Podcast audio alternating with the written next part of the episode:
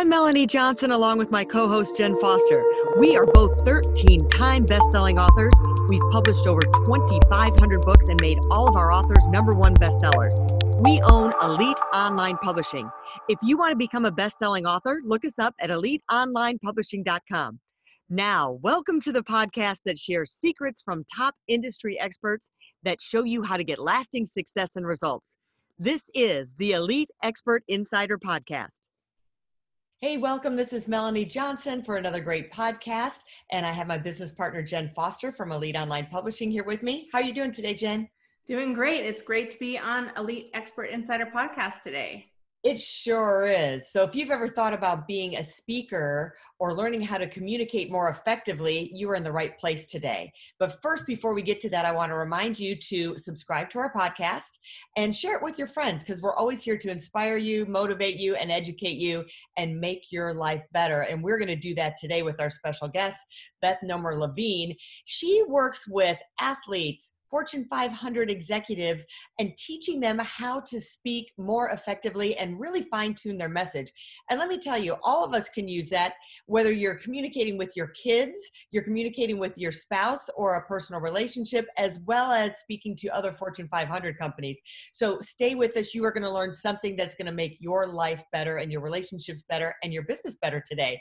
Beth, thanks so much for coming and joining us. We really appreciate it. Thanks, Melanie and Jen. It's a pleasure to be here. Thank you. So tell us, Beth, a little bit about yourself and how you came to write this book and to be this coach in this awesome world we live in today. Thanks, Jen. So, my business is Smart Mouth Communications, and it's 15 years old, but I had the idea for it probably 25 years ago. Mm-hmm. I started my career on Wall Street, actually, and I was one of the communications people prepping investment bankers, their corporate clients for media interviews and high stakes presentations. And I remember thinking back then that, wow, these are some really smart, successful people, and they cannot find their way out of a paper bag to a message or something impactful to say. And so I had this idea ruminating in my head for a long time during different phases of life. And then 15 years ago, started Smart Mouth Communications. And we do one to one speaker coaching, mm-hmm. group presentation skills training, and media training, which used to be sort of the meat of increasingly do their own media through social platforms and so i do uh, we've developed kind of a personal branding session to replace media training. We still do some traditional media training but um, the personal branding has become pretty important. But uh, i usually introduce myself by saying that through smart mouth communications i like to say that i save lives one conference room and one boardroom at a time. I save the lives of speakers and presenters who need help organizing their thoughts and material into something meaningful and memorable. And I save the lives of their audience members who might otherwise die of boredom. So that's. That. I'm going to steal that. We we're going to say we save lives one book at a time. I just and you do, yeah. um, so, talk about the five principles of communications. Give us a breakdown of some of those. I will. Uh, thanks, Melanie. So, in my book, Jock Talk Five Communication Principles for Leaders, as exemplified by legends of the sports world, long subtitle. Ooh, I like it. there are five principles of good communication. The first is audience centricity, the second is transparency. The third is graciousness. The fourth is brevity. And the fifth is preparedness. And those five principles are discussed in the book. And in each of those chapters, we use uh, stories from sports, professional sports, to highlight a good example of that principle and a not so good example of that principle. But the uh, they're all important. I would say that audience centricity, really focusing on your audience's needs and interests and putting those ahead of your own when you're speaking or presenting. Mm-hmm. Uh, that's one that really gets left out. People get invited to speak, they're the subject matter expert, and so they come with what's interesting to them. They don't really think about their audience first. Uh, increasingly, I think that uh, brevity is a lost art. And the more we are speaking and presenting online, I think brevity becomes really important lately. Uh, people have screen fatigue and they already they mm-hmm. they came to their screen fatigue with attention span problems to begin with. And so it, the need to be brief is really important. But transparency is in high demand as we know. Graciousness or taking the high road um, is important. And being prepared uh, is uh, as a way of showing respect for your audience. Yeah i love that you talk about screen fatigue because i think a lot of people aren't realizing it's a thing, right? It's a and, thing. and, and they're thinking like, oh, I should be able to, you know, meet with seven people in a day on Zoom or on whatever video right. conferencing. It's exhausting. It's mm-hmm. absolutely exhausting.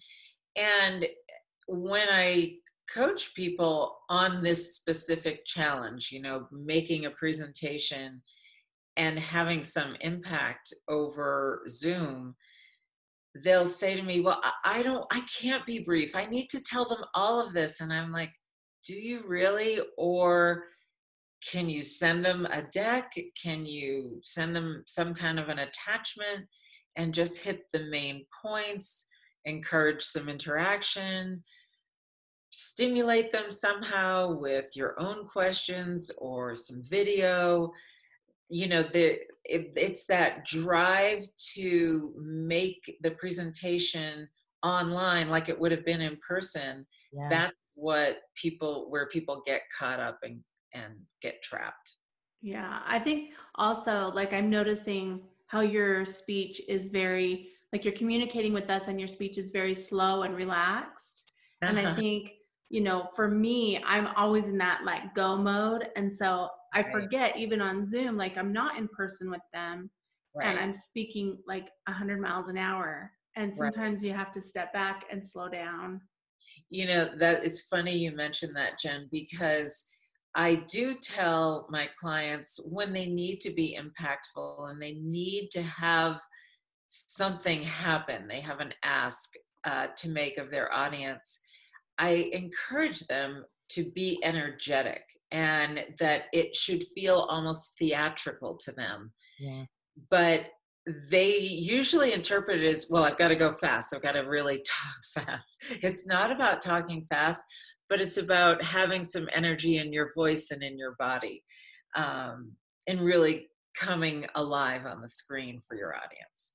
But it, uh, a lot of people interpret it as they need to just like hustle and yeah, I'm originally from Michigan and I moved down here, was a newscaster up there, came down here, was a newscaster in Texas. And some of the first response I got was, she talks so fast. That's funny. And, yeah. And I love the point that you say it should almost be theatrical. Like when you're a good storyteller gets uh, slow when there's something more important, they get fast. So there's emotion, there's fast, there's slow, right. there's loud, there's soft. There's right. all voice is one of your tools. Yeah, that's one of the tools you have. Um, when I I've coached a lot of tech executives who and you know a lot of those tech companies have these big annual conventions where they invite in all their clients and they're speaking in a room of 500 to 1000 sometimes 2000 people and they're pro- being projected on screens. And uh, uh, they're still tech people. They are some version of an engineer and so they're not really extroverts or performers and one of the things that I do with them is actually get them to act out their speech. So if they say they moved from New York to San Francisco, I have them move on the stage, you know, so that they are animating their words and it's a way to get them to be more theatrical. But it's that feeling of, of borderline theatrical like if the yeah. person who's speaking feels like oh this is this is almost too much that's where i want them. And you know all right i'm going to throw out a weird question for you because when you said like an engineer having to speak what advice would you give elon musk? Oh that's interesting. Okay so there are certain people and i put him in this category who just are themselves and i don't know that he would be coachable. And he's himself he's sort of an enigma he's just this sort of iconic figure. I would let him be himself. That's good. I always feel like he's searching for the words like he's having you know to get it from his brain to come out here it gets stuck somewhere well, in there. I think there's probably a lot going on in that brain. I do too. yeah. Right. A lot. Yeah so tell us a little bit more about you know your book and how it came about and you have a course as well so tell us a little bit about that. So yeah so the book came out in 2015 and it, it's actually done very well and I, i've ha- i've even i didn't expect this but i had people read it and then call me from places like north carolina and just all over the place. I got um, some interesting new client inquiries from that uh, we also have a mobile app called the SmartMouth Public Speaking Toolkit, which mm-hmm. is in the iTunes Store and the Google Play Store. And the app is like a rescue package in your pocket. It really it takes you through a lot of how to uh, content where you gets your head around how to think about a presentation but then it has actual functionality uh, the speech builder. And you go to the speech builder and literally there are drop down buttons that prompt you. You fill in the blanks and voila you have either the outline for a presentation or the presentation itself. All you need to do if you need visuals is to add them later. So that has been a gem. That's about I'm going to say seven or eight years old, the app. So it's been out a while, the SmartMouth Public Speaking Toolkit. Um, and that's been a great seller. We also have online courses on udemy.com, opensesame.com, and go1.com. And those range from little micro courses on topics about like know your audience and openings or closings to presentations 101 which is the full course. It's long. It's about takes users about an hour.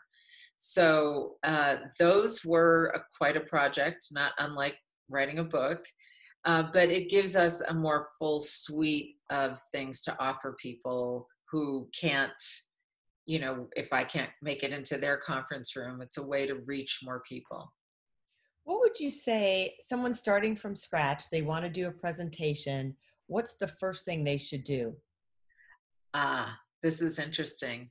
The first thing they need to do is identify what their goal is.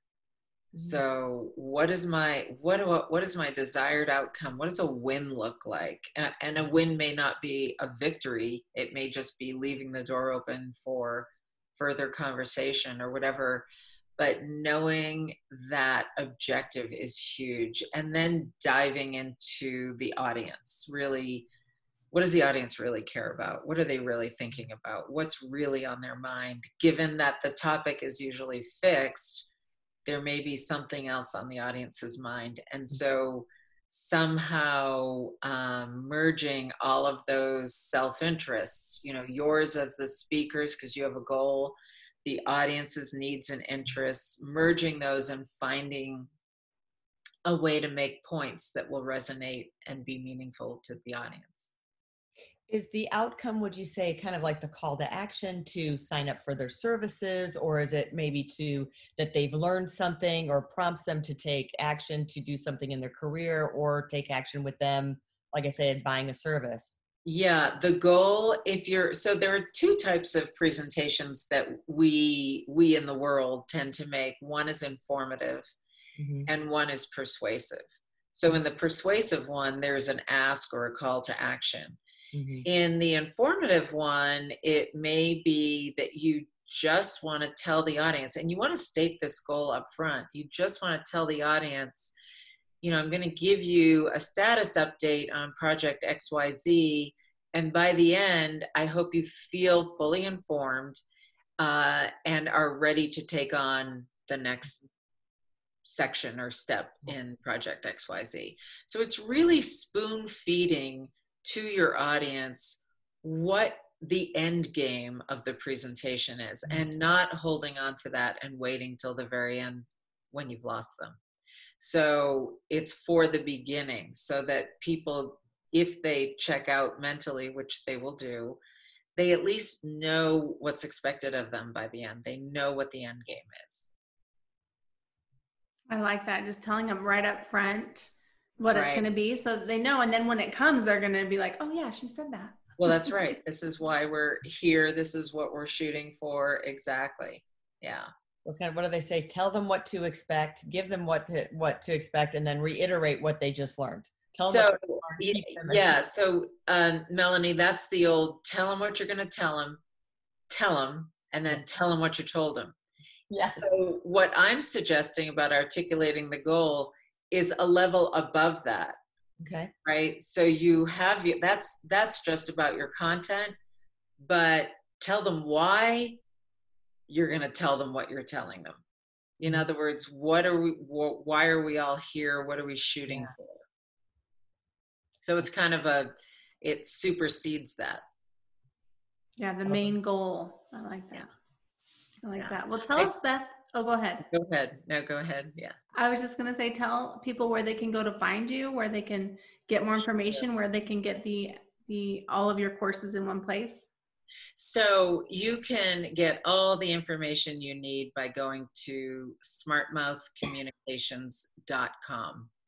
And on the website, we have an on demand page which takes you to all the uh, online courses uh, there are references to the app and to our newsletter. And lately, we've got a, a, what we're calling a virtual training room, which we are delivering uh, virtual training where you get tons of individualized feedback. Uh, and there's information on that as well.